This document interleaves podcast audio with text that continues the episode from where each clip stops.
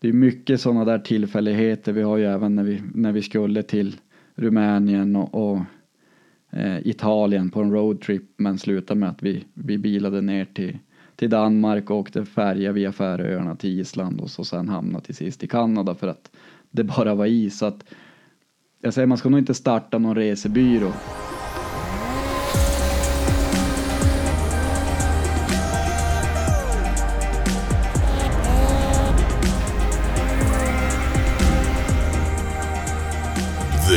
Is Snow Scooter Podden, presented by Sled Tracks. Hej vänner! Nu har det äntligen blivit dags för ett till avsnitt från Snöskoterpodden by Sled Tracks.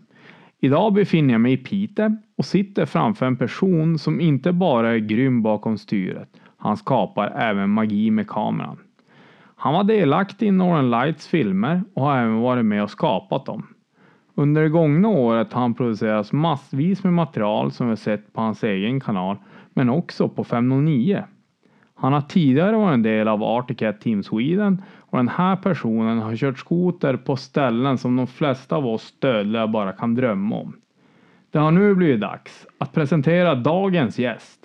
Mina damer och herrar, Snöskoterpodden hälsar Oskar Andersson varmt välkommen. Ja, nu många tack. Ja, det är grymt roligt att ha dig med Oskar. Jag hoppas du är taggad. Det här ska bli kul. Även om jag känns lite nervös så, så här i början så, ja, det ska bli kul. Jag tycker vi kör igång Oskar. Det gör vi. Arctic Cat has the ride you've been waiting for. Introducing the all new Catalyst platform that was built to change the way you ride. Visit your local dealer and secure your new 2024 model today. Snöskoterpodden sponsras även denna säsong av Polaris. Snöskoterleverantören med till exempel marknadens lättaste lösningsskotrar och marknadens längsta fabriksgaranti på hela fem år. Ja, du hörde faktiskt rätt. De har fem års garanti på maskinerna. Tack så mycket Polaris! Actuelt. Latest and greatest. Här under hösten så har det ju blivit viralt att du inte längre kommer att köra Articat. Flödet fylldes ju med inlägg där man, när man kunde se dig på en Lynx. Kan du inte berätta lite mer om det?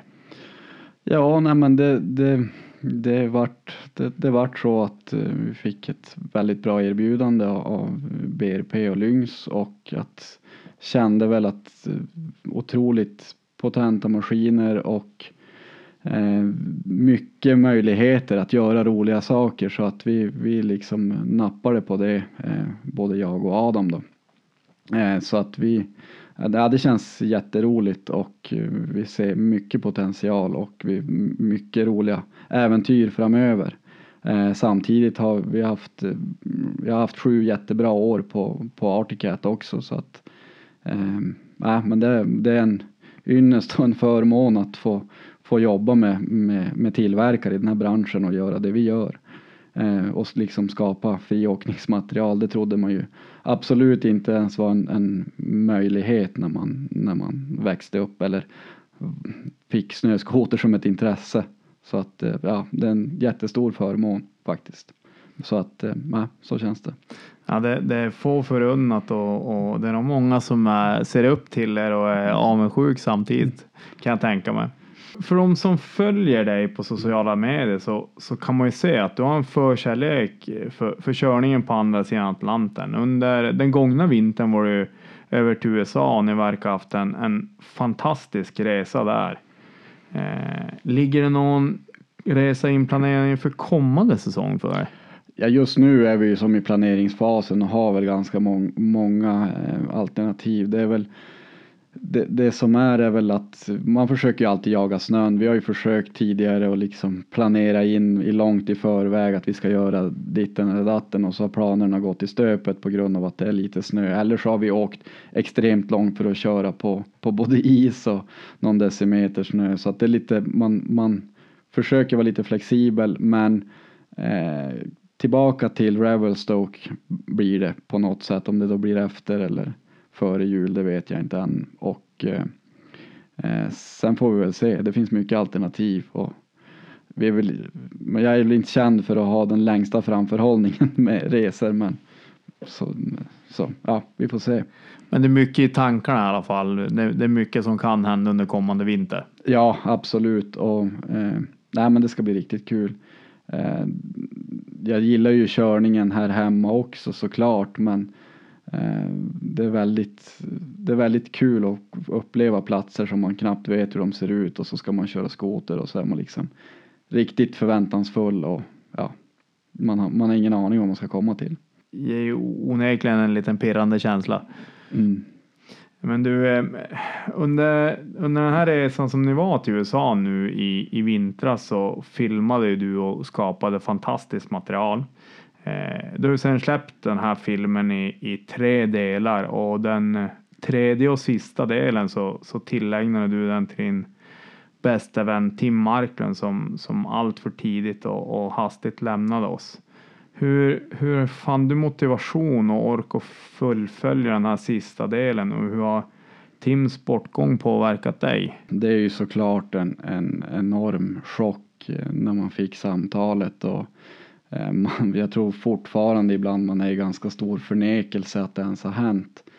Eh, men eh, det jag någonstans försöker hitta styrkan i att fortsätta. Dels vet man ju vad Tim brann för och vad han stod för. Men sen är ju även en stor del i att man kan sakna Tim hur mycket som helst när man tänker på honom och jag gör det ju det varje dag såklart.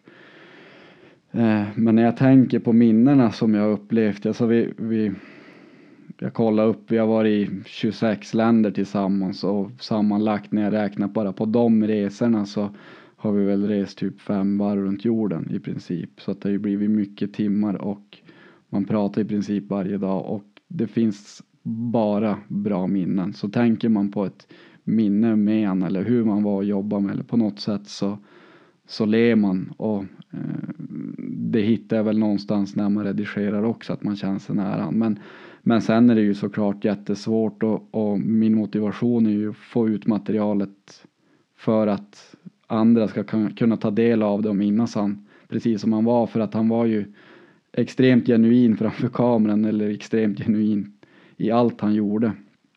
Så att eh, eh det, är väl, det är väl där någonstans att fortsätta göra med det man, är, det man älskar och göra det det vi älskar att göra tillsammans för då känner man att man är nära på ett sätt. Eh, det är väl där jag, jag hittar den motivationen. Eh, sen, sen tror jag ju att man kommer aldrig få bort den här känslan att när han eh, när man ska planera någonting eller när man har någonting på gång eller nu har man en idé så vill man ju ta upp telefonen och ringa han. Och, eh, såklart. Och det är ju, det kommer nog aldrig försvinna. Så är det. Ja, det, det är nog förståeligt. Eh, Tim, Tim lämnade ju ett starkt avtryck även med de personer han bara träffade några gånger. Så. Mm. Tim var en person som satte sig i järnbanken så att säga. Ja, ehm, och väldigt, väldigt mycket så. Och, eh, jag vet inte, vi, vi, vi klickade direkt i princip för, för tio år sedan och har ju, jag säger jag har ju väldigt mycket att tacka han för att jag får leva min dröm. Eh, och att han har varit så att vi gör det här, vi gör det här, vi gör det här. Man var, eh, det tog aldrig slut. Det tog aldrig slut på projekt och han tog all, energin hans tog i princip aldrig slut. Eh, så jag säger han har ju levt tre livstider på den korta stunden han fanns med oss. Ehm, man, man har sett här under sommaren och, och, under hösten att du har lagt ut en del inlägg från SXS Nordic-serien och, och, och, där har ni, när ni är iväg med era team så har ni en, en stor roll-up för Tim. Har det blivit en del av, av bearbetningen och fortsätta serien och liksom en, en, kanske en hyllning till honom rent eller? Eh, ja men eh, absolut. Och han drog igång det här med, med Mad Performance Motorsport. Så liksom han, han hittade väl en nytändning. Nu är det ungefär ett år sedan jag och han eh, körde första tävlingen. Och den var ju så här också en sån här grej som att då ringer Tim mig och säger att Mattias Ekström och, och BRP har liksom dragit igång en serie som heter SXS Nordic och ja, så här, vad är det? Ja, men man kör sån här Maverick, ja men typ rally sa han.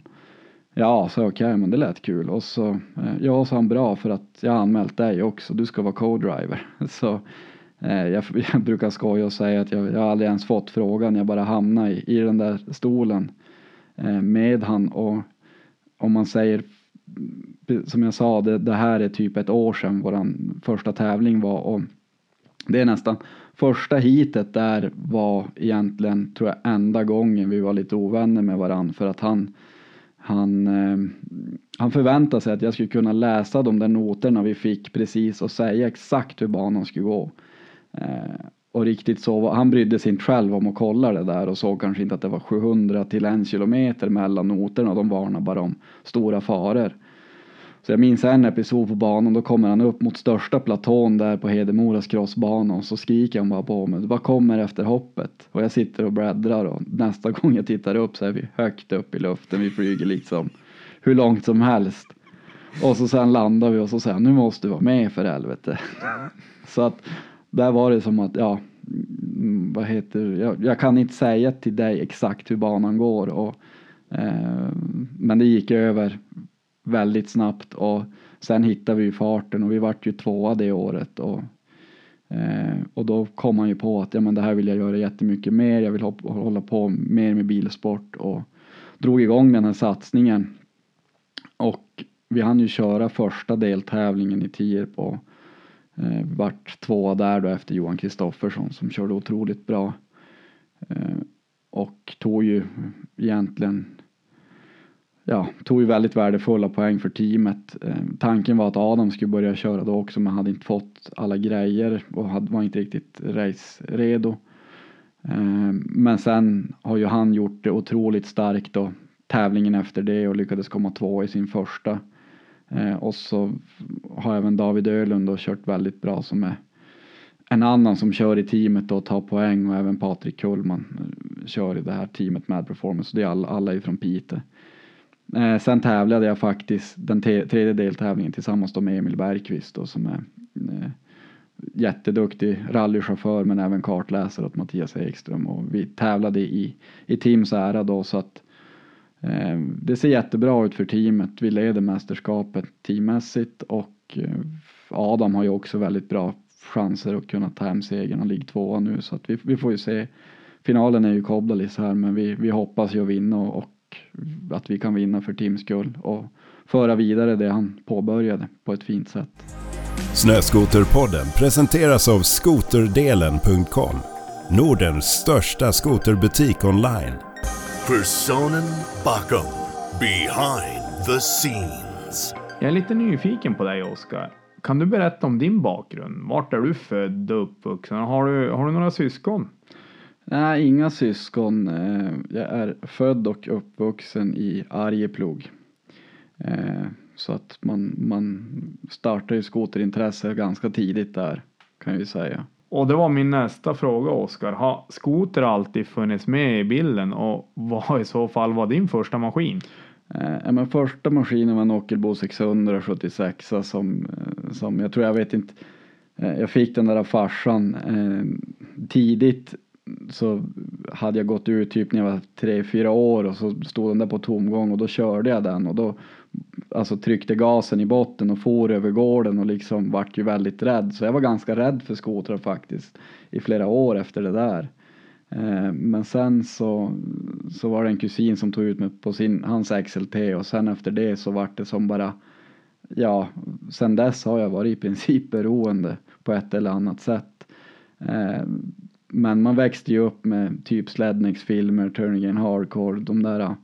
Eh, man började vara 14-15 år när Reven kom och liksom det var, då var det ju korta maskiner som gällde och, och hela den biten och skoterfilmer och för hela slanten så att det var ju eh, naturligt att, att intresset vart större och större. Sen eh, hade jag min bästa vän Joel Westerlund då som körde ju skotercross och då vart det att jag också började köra väldigt mycket bana och, och köra där. Så att då vart det väl skotercross för hela slanten och man liksom man, man var alldeles för mycket tid på crossbanan och lite för lite tid i skolan faktiskt. Men, men det var att hoppa ramp och sånt där så att det var otroligt ja, det tog som överallt kan jag säga. Men, men även där med skoter känns som att det är det som har fört in det mot, mot filmningen. För om man, om man följer dina sociala medier så skapar du ju galet bra content och, och du släpper ju mycket material både på sociala medier och även på din Youtube-kanal. Har du, har du alltid brunnit för det här med foto och film eller hur började det egentligen? Det började väl med att man ville som, man filma lite när man hoppar med cyklar, man filmade det man kunde med skoter och så här lärde sig lite redigeringsprogram. Eh, och så, så vart det som bara att man matade på där eh, och försökte som få till och skapa någonting. Sen i takt med att man insåg att ja, men jag vill ju ha bättre kvalitet så försökte man ju köpa sig, spara och köpa en bättre kamera och liksom hela den biten. Och sen börjar man fundera, ja, men kanske jag kan fota och få bra bilder. Och så vart det som att man bara tog ett steg efter det andra. Och det föll sig naturligt och ja, gör man någonting nog intensivt nog länge så lär man sig ju, så är det ju. Så, så med andra ord, du är helt självlärd. Du har inte gått någon utbildning för foto och Nej, filmning ingenting. utan Nej, ingenting sånt utan det är eh, man, man lärde sig redigeringsprogram och man lärde sig fotokameror och även filmkameror och börja fundera så här när man kom hem och det såg värdelöst ut liksom hur, hur fan gör de som gör det här bra? Hur, hur får de till det? Eh, så att ja, intressena gick verkligen in i varandra. Man utvecklas. Vad var ditt första ambassadörskap för skoter och hur fick du det? Ja, egentligen så eh, man, om man säger de där åren som man började filma och fota lite mer som vi körde på crossbanan och sådär, då tänkte man ju som man såg framför sig att om jag tränar jättemycket eller gör något fränt eller om jag säger att jag skulle göra en bakåtvolt eller vad som helst, då tänker man att sponsorerna kanske hör av sig och kommer till en. Eh, och det, det mindsetet hade jag även när man började köra eh, lösnummermaskin eh, och liksom tänkte att jag, jag tränar och kör och liksom skapar bra material. Men det var egentligen inte förrän när Fredrik Andersson hörde av sig och eh, liksom sa att ja, men vi, ska, vi ska dra igång ett projekt här som heter Norton Light Films. Eh, och vi skulle gärna, jag skulle gärna att du är med och för vi hade hjälpts åt och pratats mycket och liksom eh, när han gjorde Icebound-filmerna. Och han sa vi, vi har gått ihop med några Piteå-grabbar här och, och, och liksom vi, har, vi vill göra ett lite seriösare filmprojekt. Eh, och då börjar det ju bli ganska stort det här med lösnummermaskiner, friåkning, hela den biten. Det hade ju som inte riktigt tagit fart men man såg ju som trenden i, i, i USA också med, med Burant som körde och hela den biten så att då vart det att Frippe kom upp med eh, Tim då, det var egentligen första gången jag träffade han då. Eh, på riktigt då till min stuga och så filmade vi första scenerna där egentligen till Northern Light Films 1. Och där klickade ju väldigt bra då med Tim direkt och även Simon Fröling var med som har filmat mycket i Rough Riders så vi, vi skapade lite material där och, och sen vart det någon sväng på våren och så sen manglar de ju på och körde hur hårt som helst i riksgränsen och fick ju ihop en riktigt bra första film. Och det var väl då man insåg att, ja men dels börjar möjligheterna för det här kanske öppna upp sig på ett annat sätt och att man kan få mer exponering genom sociala medier och allting men även branschen som så vände sig ju mot mer friåkare. Eh, och där såg man kanske att ja, men nu har jag tio års amatörerfarenhet av att skapa skoterfilm och även körning och ett öga för det och liksom hela friåkningsbiten så att mitt första egentligen samarbete eller ambassadörskap det var faktiskt med Autoblå. Ronny Göransson där som, som eh, hjälpte en lite med skoter och ehm, så var det också med, med Jetwear. Så det var egentligen så man kom in då via Norton Light Film så jag tror det är det som är man, man behöver andra för att skapa någonting som är riktigt bra. Det är väldigt svårt helt på egen hand och, att nå ut i den här branschen tror jag. Alltså det finns jättemånga som är superduktiga men, men man, man måste, dels måste man nog kunna nästan allt själv idag men, men man måste hjälpas åt för att det ska bli riktigt bra tror jag. det köper jag nog. Eh, teamworken och det som funkar även bäst i den här branschen. Du har ju onekligen varit med och, och, och skapat väldigt mycket bra material. Men, men på tal om just det här med, med skapande, vilken var det då Northern Light Film som var den första filmen som blev viral där du var involverad eller? Ja, men så, det skulle jag väl säga. Eh, att när vi började skapa det och få ihop eh, det gänget och eh, ja, men kunna hjälpas åt och filma och då fotade jag ju även mycket och vi försökte ju skapa mycket material till kanalerna där då och, och pusha för det och det som är synd är ju som att det är också den här övergångsfasen till att det tar enormt mycket tid och kraft att göra en skoterfilm eh, och helst om man vill då ligga på en väldigt hög nivå. De, körmässigt så är de ju helt sjuka tycker jag, båda filmerna. De kör ju otroligt hårt grabbarna och tjejerna som är med där. Men, men, eh, men även det här att få in sponsorer och satsa så pass så att det täcker upp för det jobbet som ska läggas ner. Det försvann ju som där och att det blir lite mer att var åkare för sig får skapa sitt och det får komma ut på, på sociala mediekanalerna också. Men du, du som nu har varit med och, och, och skapat massa material och jag har ju följt dig genom åren och, och du, du är väldigt kreativ i ditt skapande och du förnyar ju egentligen ständigt skapar nytt typ av material. Var, var sitter du din inspiration till det content du, du skapar egentligen? Det är väl mycket det man ser och att man är väldigt teknikintresserad. Det går ju också in i skoterintresset. Kommer det ny utrustning så gör, ger det ju nya möjligheter. Yes, förut var man ju väldigt fixerad i att man behövde bättre grejer för att skapa. Nu ser man ju mer kamerorna här som att vad kan jag få med mig som är absolut lättast att ha med sig men ändå skapar den kvaliteten som jag vill åt. Eh, och sen så, så tycker jag att det är skitfränt med drönare och 360-kameror och bara att utrustningen blir bättre och lättare att ta med sig och man kan visa större delar. För jag säger lösnöåkning och friåkning framför allt är ju så otroligt svår att filma på ett rättvist sätt tycker jag.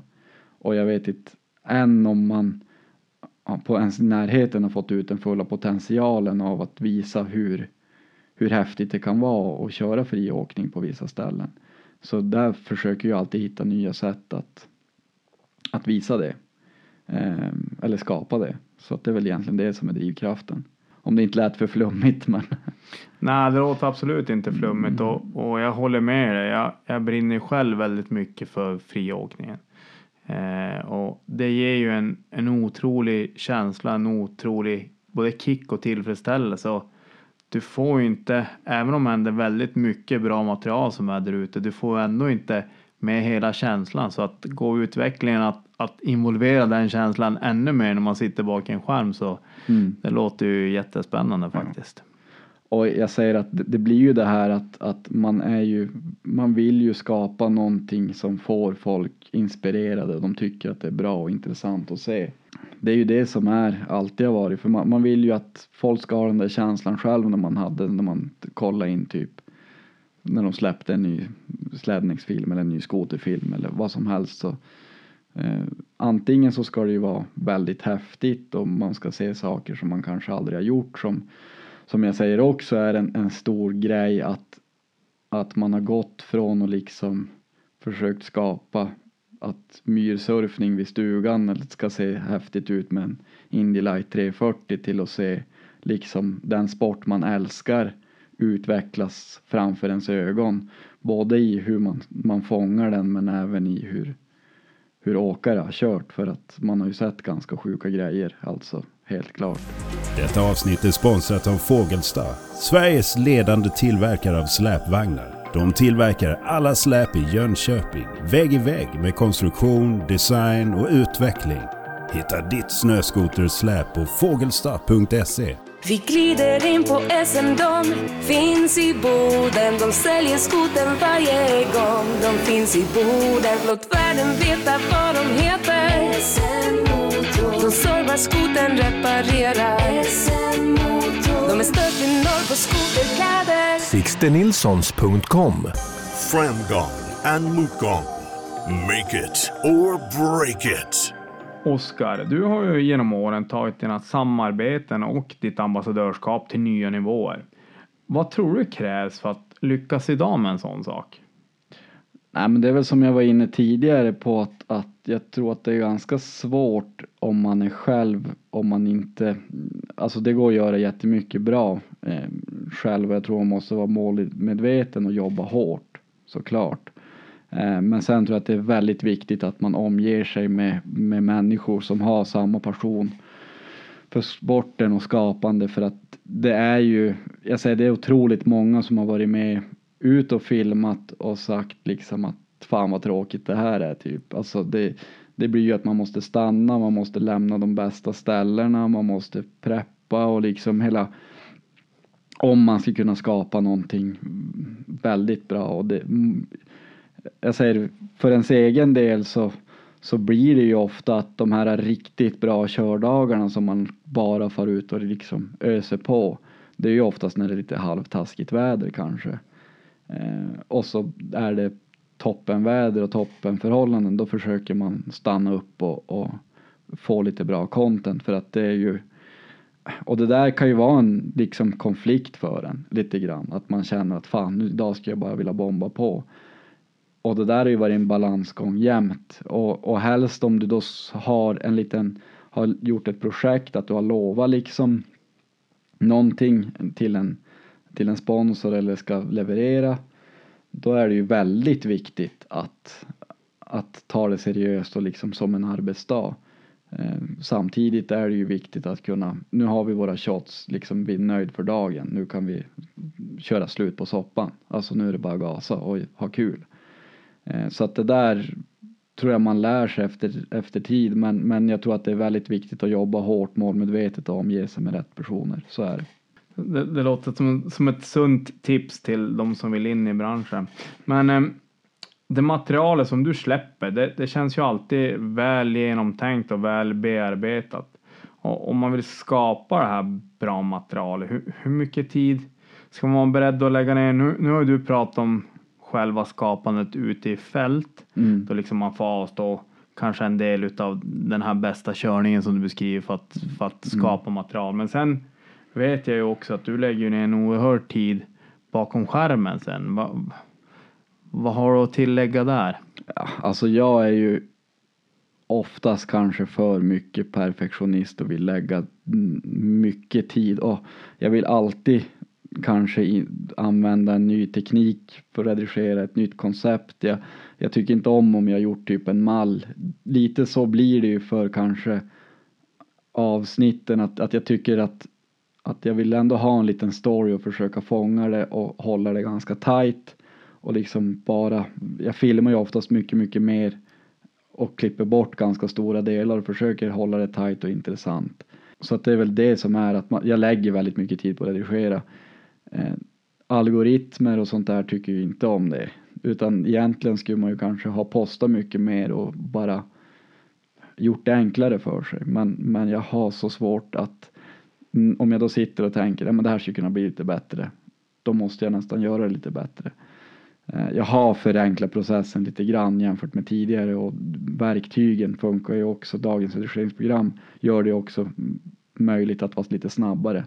Men, men jag gillar ju, helst skulle man vilja sitta och redigera alla bilder i några timmar ordentligt och så helst skulle man ha någon, några veckor på sig med varje avsnitt. Men man har ju tyvärr inte det i och med jobb och, och annat som ska göras.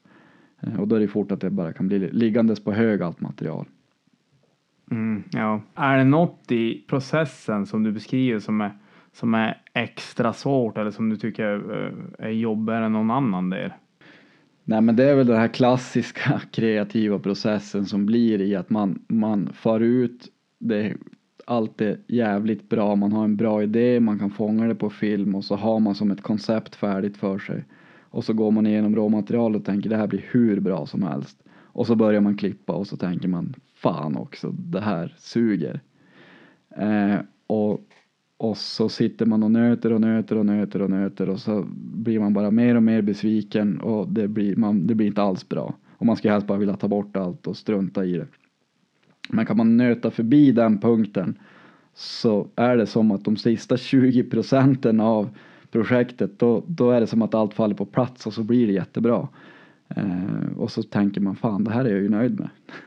Så att det är väl det som att, att komma över den där delen i den kreativa processen och om det nu är jättelångt ifrån vad man tänkte från början, då tänker man ja, men jag gör klart ungefär som jag tänkt, jag genomför den här idén, så tar man med sig erfarenheterna till nästa gång och försöker skapa någonting bättre. Sen har väl det där blivit också när man har rest att, att Eh, så mycket som vi har gjort och på de ställena att det har ju varit katastrof många gånger, det vi har kommit till. Jag säger om man tittar på tidigare filmer och även skoterfilmer då ser man ju det är alltid strålande sol och blå fågel i riksgränsen, perfekta förhållanden. Har man varit i riksgränsen några vårar då vet man att så inte är fallet. Och det är väl det är väl det som blir lite grann det här att man får filma fast det är regn och is. Det är nästan bara mer intressant innehåll och liksom hur man tacklar den där motgången. För jag vet när vi 2017 så bilade vi ner till Bosnien till exempel. Det var 377 mil och eh, eh, ja, det var liksom två decimeter snö och is eh, när vi kom fram där i en bergsby och så hade vi ingen eh, vi hade ingen värme i den där stugan. Det var en, en, en kille som skulle elda åt dem som han med sig som anställd. Och han drack så mycket vin på kvällen där och, och däckade i princip. Så att jag, jag och Frippe fick som ligga och värma oss varandra där i 90 säng. Och de käkade fårkött och, och bröd i två dagar och liksom. Men vi försökte, vi skapade ju ändå som innehåll av det och försökte göra bästa situationen. Men jag tror vi hade, vi hade kört, kört sönder alla skotrar typ när vi kom hem. Så att eh, det är väl det, man, det är det som är chansningen men det är också det som är lite spännande med det, med skoteråkning. Och det har ju varit många dagar också, man har kommit ut och det har varit extremt bra förhållanden, puder, solsken, alltså 10 minus och så tänker man bara ja, idag får det inte hända något och så kör man sönder någonting efter 10 minuter och så är den dagen förstörd. Så att det är väldigt mycket sånt också. Ja, det kan, det kan jag förstå. Det är mycket som händer när man är ute och kör. Eh, men, men du känns Oskar väldigt driven som person. Är det någon satsning du har gjort som har floppat?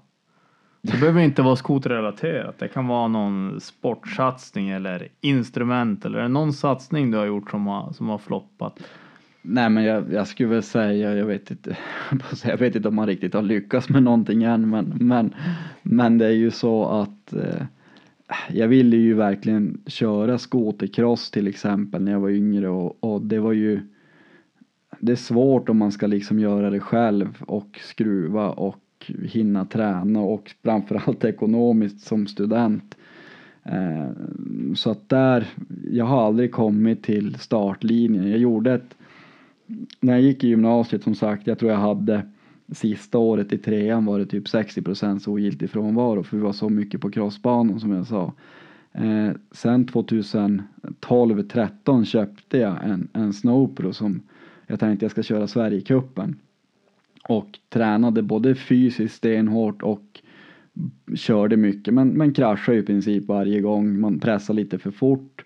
Så vart det ganska mycket skruvtimmar och sen till sist när man äntligen känner att nu är jag riktigt bra med fart så var det tror jag fyra dagar innan eh, första tävlingen så får jag ett kast i ett upphopp eh, och landar, gör illa knät, ryggen och slår sönder närbanorna i ena handen. Så att jag, eh, jag kan egentligen inte hålla i ett styre på ett år typ. Alltså utan att, att tappa det liksom om jag trycker på gasen.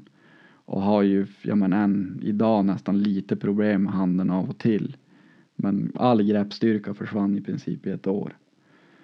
Så att det är väl, det är väl en sån där grej att man aldrig eh, men man ska ju aldrig säga aldrig, men jag tror inte det blir någon skotercross någonsin för mig. Du är bra mycket yngre än mig, men det låter ändå lurt utifrån det du beskriver. men du, du har ju jobbat mot powersportsindustrin nu ett tag. Va, vad har du för vision? Var är du på fem år? Ja, alltså det här, det här som man har hållit på med har ju alltid varit att, att man gör det för skojs skull och man liksom försöker ta det till nästa nivå. Eh, sen som sagt har man jag trodde ju som sagt inte min vildaste fantasi att man skulle kunna få en märkesbackup och få jobba med varumärkena. man har ju varit väldigt nära eh, klädmärken tidigare som, som och utveckla kläder tillsammans till exempel med Jetwear när vi var sponsrade av dem. Eh, och gjort kataloger och gjort reklamfilmer. För, för, för Articat har jag gjort reklamfilmer, hjälpt till med Polaris reklamfilmer. Eh, så att egentligen har man ju som bara tagit sig an nästa projekt eftersom och motivationen till att fortsätta har ju varit det att man vill man vill uppleva så mycket man kan på en skoter lite grann. Men nej, vi får väl se. Vi har väl en, en hel del med racingen också som vi vill göra så att det är, det är mycket på gång nu och vi har mycket tankar och visioner men jag, jag vet inte om jag har någon riktig målbild klar för mig om fem år men jag hoppas att jag hunnit köra mycket skoter och mycket racing innan dess. Tidy Powersports, din kompletta leverantör av Polaris och Husqvarna på två hjul. Butiken har allt du kan behöva, oavsett säsong eller fordon. Vår toppmoderna och auktoriserade verkstad tar hand om alla era behov. Tidy är din kompletta leverantör för Powersports, oavsett arbete eller fritid. Välkommen till Skellefteå! Oskar, du har kört skoter, du har filmat, du har fotat från världens alla hörn. Du har varit och rest själv och du har rest med massa roligt folk. Det måste ju ha hänt galet mycket saker på de där resorna du har varit iväg på. Kan du inte dela med dig av en riktig rövarhistoria? Ja, jag vet inte riktigt var man ska börja men, men man har ju varit iväg på mycket äventyr och som sagt det är ju det, är ju det man egentligen lever för och vill göra. Eh, jag, jag säger vi Tim träffade ju en norrman en gång uppe i Saxnäs på krogen och som sa att ja, men kom, kom och kör hos oss nästa helg i Norge. Eh, och så ringer han till mig, du ska vi till, ska vi till Gamlestölen heter det. Ja, så jag var själv. Ja, men någonstans runt Oslo och Lillehammer, jag vet inte. Ja, och fyra dagar senare då sitter jag och Adam och, och Frippe i en bil. Vi har ju ingen aning om, eh, för Tim var så dålig på, eller, är, eller var så dålig på norska så, så han, han eh, förstår ju inte vad den här karln sa. Men när vi kommer dit så är det liksom, vi har en hel skidanläggning, ett fjällområde, tillgång till pistmaskin. Alla tillstånd har vi liksom utlagda på bordet när vi kommer dit så vi har ju jättebra möjligheter att filma. Det, det filmar vi inför för andra filmen. Eh, vi har eh, när, när jag bara satt på Snow West och skrev med en polack som, som frågade lite om hur körningen var runt Arvidsjaur och Arjeplog. För han var intresserad. Sen gick det tre, fyra år och sen så följde jättemycket snö i Polen. Och han skrev, ni borde komma hit, det är svinbra. Och vi sätter oss i bilen fyra dagar senare då också, då var ju även Matte med.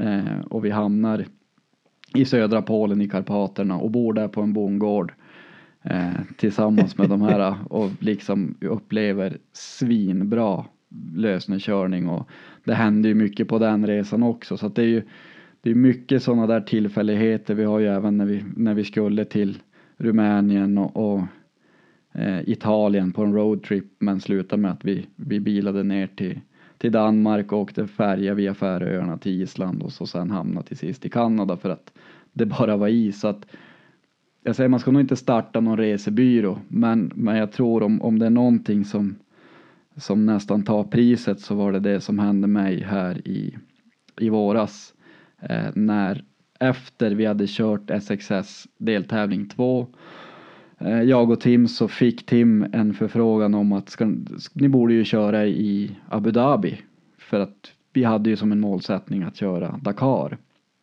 Eller den här mål, jag vet inte målsättning och målsättning men det var en idé i alla fall som växte fram med det här. Eh, så Mattias Ekström ryckte i massa kontakter och Problemet var ju bara att vi skulle åka till USA två dagar senare. Så vi åker till USA och det är ju allting med, med filmningen där och innan vi har fixat skotrar och man, man kör skoter hela dagen, man kommer hem, man laddar ur kameror, sätter allting på laddning, eh, går och lägger sig. Klockan fem varje morgon kommer Tim in och liksom säger vi måste skicka ut det här till sponsorer, vi måste, kan du, tror du vi kan hjälpa, kan vi sätta upp en hemsida nu? Eh, vi måste boka läkarundersökning, vi måste fixa licenser, vi måste eh, Eh, så varje morgon så, så knackar han på dörren när vi fem bara du ska vi titta lite på det här. Eh, och och så sen ser vi att ja, men, båda våra pass går ut eh, inom sex månader. Och det här kan ju vara ett problem också när man reser i USA, men de är så att har du bara en hemresebiljett och estat gäller så brukar det bara, då brukar de säga, ja men det är lugnt. Har vi lä- lärt oss. Eh, så vi frågar ju teamet liksom, ja men vad tror ni? Ja men, nej, men det där brukar lösa sig. För att har ju bara fem dagar hemma i Sverige i princip. Sen ska vi iväg igen till Abu Dhabi jag och Tim. Ja, då tänker jag att ja, men jag hinner ju inte få något nytt pass till dess då så att ja, vi chansar väl på att det går. Så jag kommer hem, gör läkarundersökning, gör allting, packar, läser på om kartläsning, alltså hela bunten kommer ner till Arlanda. Um, och så går flyget till Abu Dhabi tidigt på en fredag morgon. När vi ska båda planet då får varken jag eller Tim gå på. Då, då säger de att nej men ni har inte giltiga pass och vi sa ja men det, det måste gå att lösa sig. Och då sa de ja men Tim fick gå på för det var bara någon dags fel. Men, men mig var det som bara blankt nej. Det är två månader fel, du, du får inte. Då sa jag men om jag gör ett tillfälligt pass. De kommer inte att ta ett tillfälligt pass i Förenta Arabemiraterna. Jag menar, så om, om man bara får åka ner dit tänker jag, ja, men det går säkert att snacka in sig. Hon bara, nej men du, det är liksom policy. Så hennes chef kom dit och, ja. Eh, och Tim får ju såklart panik i och med att han knappt pratade någon engelska. Så tittar han ju som bara på mig och säger bara, lös det bara. Alltså, jag, du, måste, du måste komma till, till Abu Dhabi. Och så vad gör jag? Jag, jag, får, jag går till polisstation och jag gör ett tillfälligt pass och så tänker jag hur ska jag ta mig till Förenta Arabemiraten? Eh, ja men jag får ju mellanlanda i Förenta Arabemiraten. Och jag hittar inget bra flyg via Abu Dhabi men jag hittar en enkel biljett till Bangkok samma dag.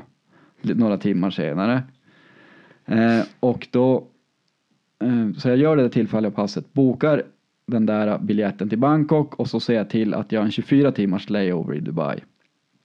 Så jag, ja, man har ju som smått panik och tänker och googlar liksom det här kommer väl aldrig funka. Men åker ner, eh, kommer fram till Dubais flygplats vid 12 på, på natten. Jag går och står i passkontrollen, jag svets, svettas ju enormt mycket, alltså det är ju hemskt att stå där, man har ju typ panik och tänker så sträcker jag fram passet och så lyser det rött och så han bara vad är det här? Det, det här är inte giltigt och då tar jag fram det tillfälliga passet det här då. Tittar han på det så bara, ah, du måste gå till immigrations. Eh, och jag går till immigrations och där är det ju en äldre herre som ser måttligt imponerad ut. Eh, och så säger han, vad, vad gäller det?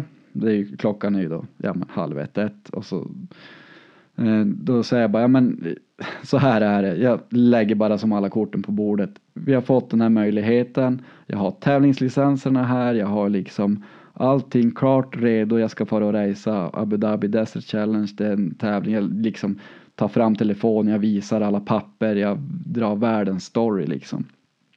Eh, och han bara stirrar i mig bittert och liksom säger Tittar på min biljett och så säger han Go to Bangkok or go home. Det var svaret du fick eller? Ja. och jag tänkte fan också, så då googlade jag ju lite grann och tittade på eh, eh, kan för då står det att om man har en layover då ska det inte spela någon roll. Då ska man kunna få gå in i Dubai. Så jag, jag ringer Tim och de börjar köra dit och så sa om jag kan få flygbolaget att släppa in mig på något vis. För då ska jag bara vara tillbaka innan flyget går. Men om jag inte kommer, alltså det kommer ju gå en liten stund. De kommer ju fundera vars är han som inte är med i planet. Men det kanske tar för lång tid. Eller, men ja, jag vet inte. Så jag, jag pratar med dem och de säger ja men absolut, men du måste få en stämpel från immigrations. Går tillbaka dit och där sitter ju surgubben då. Så att det är ju ingen idé att prata med han. Han säger bara, han viftar ju bara bort mig och säger det är ingen idé du pratar med mig typ. Sätter jag mig där på en bänk, börjar titta så här går runt på Dubais flygplats kan jag på något sätt ta mig ut någonstans. Så att om det är någon som behöver tips på exakt kartläggning av Dubais flygplats så har jag gjort den. Så jag vandrar runt där till sex på morgonen. Eh, och då ser jag ju att det är skiftbyte för jag tänker någonstans byter de ju personal. Så vid sex sju tiden där på morgonen eller om det är lite senare så går jag dit, förklarar allt igen, drar samma story. Eh, till en yngre kille som sitter där och han säger ja men det här löser vi. Det är inga bekymmer, nu får du komma in. Jag ska bara ringa lite samtal och så där, sätt dig ner. Tänkte yes och så pratade jag med dem och de bara ja men bra för det är liksom anmälan nu, nu, nu. Eh, och så sitter han i 20 minuter sen ropar han till mig bara nej tyvärr vi måste, då måste min chef overrida systemet och han vägrar gå med på det på en sån här anledning så tyvärr jag kan inte göra någonting. Eh, så det var ju otroligt jobbigt och det slutade med att Tim fick ju en, en, en rysk kartläsare och det funkar ju bra för att han sa ju liksom bara push push och left right och Tim kunde ju ändå inte höger eller vänster men, men de körde jättebra och gjorde det svinbra men, men då tänkte jag ju där jag satt att ja men ja det är väl ingen idé att boka en biljett hem jag kan ju lika gärna flyga till Bangkok jag har ju inte varit i Thailand. Så jag sätter mig och åker, åker till Bangkok. Problemet är ju bara att jag skickar ju min väska med Tim. Så jag har alla mina kläder, alla mina, alltså liksom alla prylar. Det enda jag har med mig till Thailand är ju liksom en, min jobbdator och kameran. Eller kameragrejerna, för de har jag ju alltid i handbagaget. Eh, och det är ju någon gubbe som typ somnar över på planet dit. Så vid det här laget har jag ju varit vaken sedan sex på morgonen i Stockholm då, två dygn innan. Och landar ju i Bangkok sju på morgonen och bara typ, ja jag måste ju ha hotellrum och jag måste ju ha kläder, jag måste ju ha hygienartiklar, liksom allting sånt. Så att jag får ju åka in och hamnar ju på någon marknad där och köper ju alla de här prylarna och får ju till sist checka in på hotellet och men man är ju hyfsat rastlös och utmattad och frustrerad över att inte få liksom vara med på det här ökenäventyret. Så det var ju väldigt svårt att, att njuta där i, i, i Bangkok. Så jag tänkte, ja men jag, jag var där ett dygn i princip. Sen får jag upp till, till Hua Hin då. Och checka in på ett hotell och tänkte jag, då försöker jag jobba lite och vila ut lite. Och facetime ju mycket med Tim och, och prata med, med dem om hur det gick och sådär. Men då är det ju sådär att jag kan ju inte riktigt heller sitta still så att då får jag och gick där och hamnade ju i någon, någon hamn och sen upp på något berg och så var det något tempel där som jag skulle gå till men det stod att varning för apor och jag gick ner dit och sen så var det liksom hundra apor runt omkring mig som attackerade och ja, tänkte ska jag få rabies på den här svängen också. Så nej men så att det vart väl ingen kanske jättelyckad semestertripp. Så, så som sagt, jag ska nog inte starta någon resbyrå för man, man har hamnat på konstiga platser. Men man, man löser det eftersom som man, man kör på. Så. Men eh, den där kan vi väl eh, vara överens om att den där kan väl klassas som en riktig rövarhistoria i alla fall då det inte riktigt blir som man har tänkt. Nej, så att man, men eh, ja, nej så att jag vet inte, man man har ju varit på otroligt och, och jag säger även när vi har bilat genom genom Europa för att köra skoter. Jag menar, vi har ju åkt på fel sida autobahn med skoterekipage och Adam väcker upp ekipage i en tullstation eller en tullbås i Kroatien så de kommer dragna vapen och ja, det är ju, det är ju sådana där saker som händer hela tiden när man rör sig efter vägarna och kanske inte har riktigt superkoll. Men på något vis är det som att man man löser allting eftersom och det var väl med den grundinställningen jag tänkte att tar jag mig bara till Dubai så liksom ja i värsta fall tar jag väl en nödutgång men men jag vet att de sa det att har du tänkt åka tillbaka till Förenta Arabemiraterna då ska du nog inte prova smita in vid flygplatsen för att det kan få lite konsekvenser. Så att jag, jag satt länge och sneglade på ett, en väg. Jag tänkte den här, den här kan jag hinna med, men, men jag struntade i den. Ja, det kanske, det kanske var rätt beslut ändå det. Tar Pole Polson. Quick seven questions with yoga. Nu är det dags Oskar. Vi har kommit till sju stycken snabba frågor med Jögga. Du får två alternativ och du måste ge ett svar. Är du redo? Ja, absolut. Shoot. Då kör vi. Bita ihop eller bryta ihop? Bita ihop. Skapa content eller köra? Köra. Spara eller slösa? Slösa. Framgång eller familj? Familj. Våråkning i gränsen eller puder i Kanada? Puder i Kanada. Festkväll eller garagehäng? Helst kombinerat, men, men ja.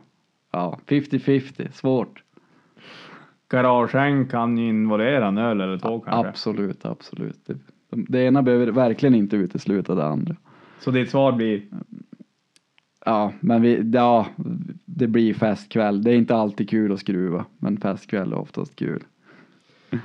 sallad och Loka eller burgare och bärs? Burgare och bärs. Hej! Hej! Vem fan är du? Ja, men det är Angelica från SN i Boden. Vad säljer ni då? Vi är ju Bodens återförsäljare av Skido och Lynx.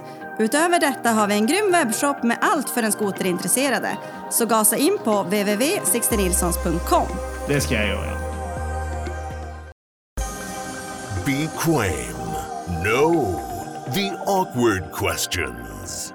Okej Oskar.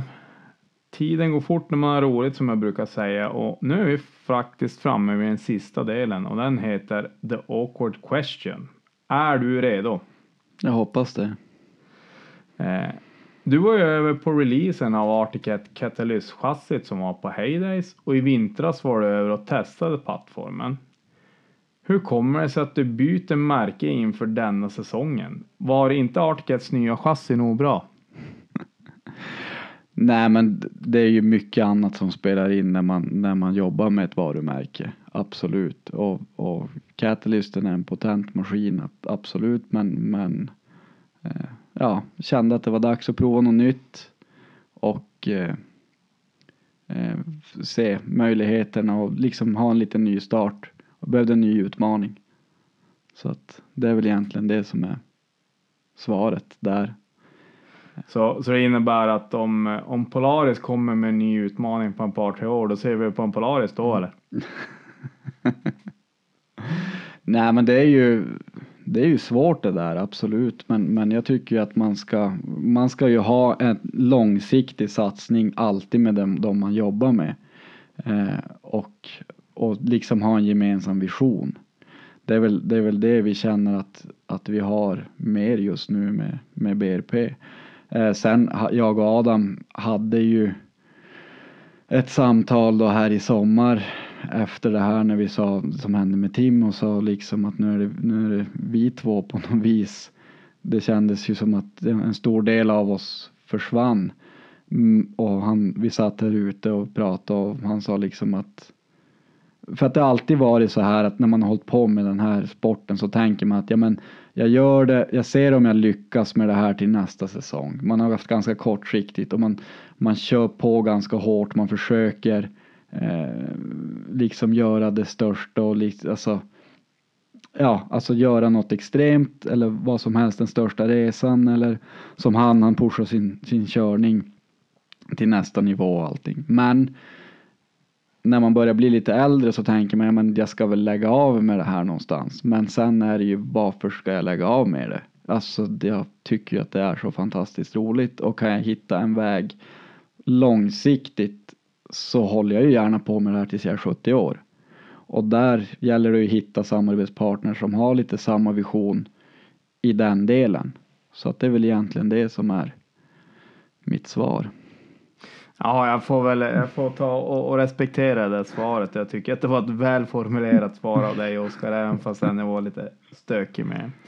Du, eh, tiden har gått fort. Jag har haft jätteroligt. Jag hoppas att du har uppskattat att vara med i Snöskoterpodden. Ja men absolut, jättekul. Eh, tack så mycket för idag och vi lär ju synas där ute i snön till vintern. Det gör vi absolut. Tack så mycket. Ha det bra Oskar.